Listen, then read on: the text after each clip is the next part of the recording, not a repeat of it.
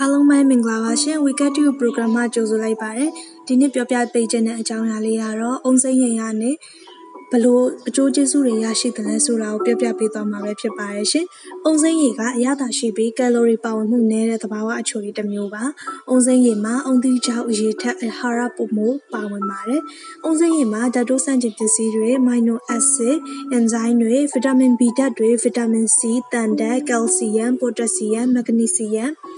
မ်၊ပိုတက်ဆီယမ်၊မက်ဂနီဆီယမ်မဂနီနဲ့ဇင်းဓာတ်လိုဓာတ်သတ္တုတွေ ပါဝင်နေပါတယ်။အုံစိမ်းရည်က ကျန်းမာရေးအတွက်ဘယ်လိုအထောက်အကူပေးနိုင်လဲဆိုတဲ့အချက်လေးတွေကိုမျှဝေပေးလိုက်ပါတယ်နော်။အုံစိမ်းရည်ကနေရရှိနိုင်တဲ့ကျန်းမာရေးအကျိုးကျေးဇူးတွေကတော့ခန္ဓာကိုယ်ကိုရေဓာတ်ဖြစ်ပေးခြင်း၊သွေးတိုးကျစေခြင်း၊နှလုံးကျန်းမာခြင်း၊ အရက်နာကျတာကိုသက်သာစေခြင်းကိုယ်အလေးချိန်ကျစေနိုင်ခြင်းကိုယ်အလေးချိန်ကျခြင်းတဲ့သူတွေအတွက်ကတော့အုံစိမ်းရည်ကတောက်သုံးဖို့တင်တော်တယ်နော်ကယ်လိုရီပါဝင်မှုနည်းပြီးတော့စာရင်အတွက်လည်းအထောက်ပံ့ပြုတယ်အုံစိမ်းရည်မှာအစာခြေဖြတ်မှုကိုအထောက်ပံ့ပေးပြီးအဆီတွေခြေဖြတ်မှုကိုတိုးမြှင့်ပေးနိုင်တဲ့ bioactive enzyme တွေအများအပြားပါဝင်ပါတယ်ခေါင်းကိုက်တာကိုသက်သာစေတယ်မျက်လုံးကျန်းမာစေတယ် pH ပမာဏကိုထိန်းညှိပေးတယ်။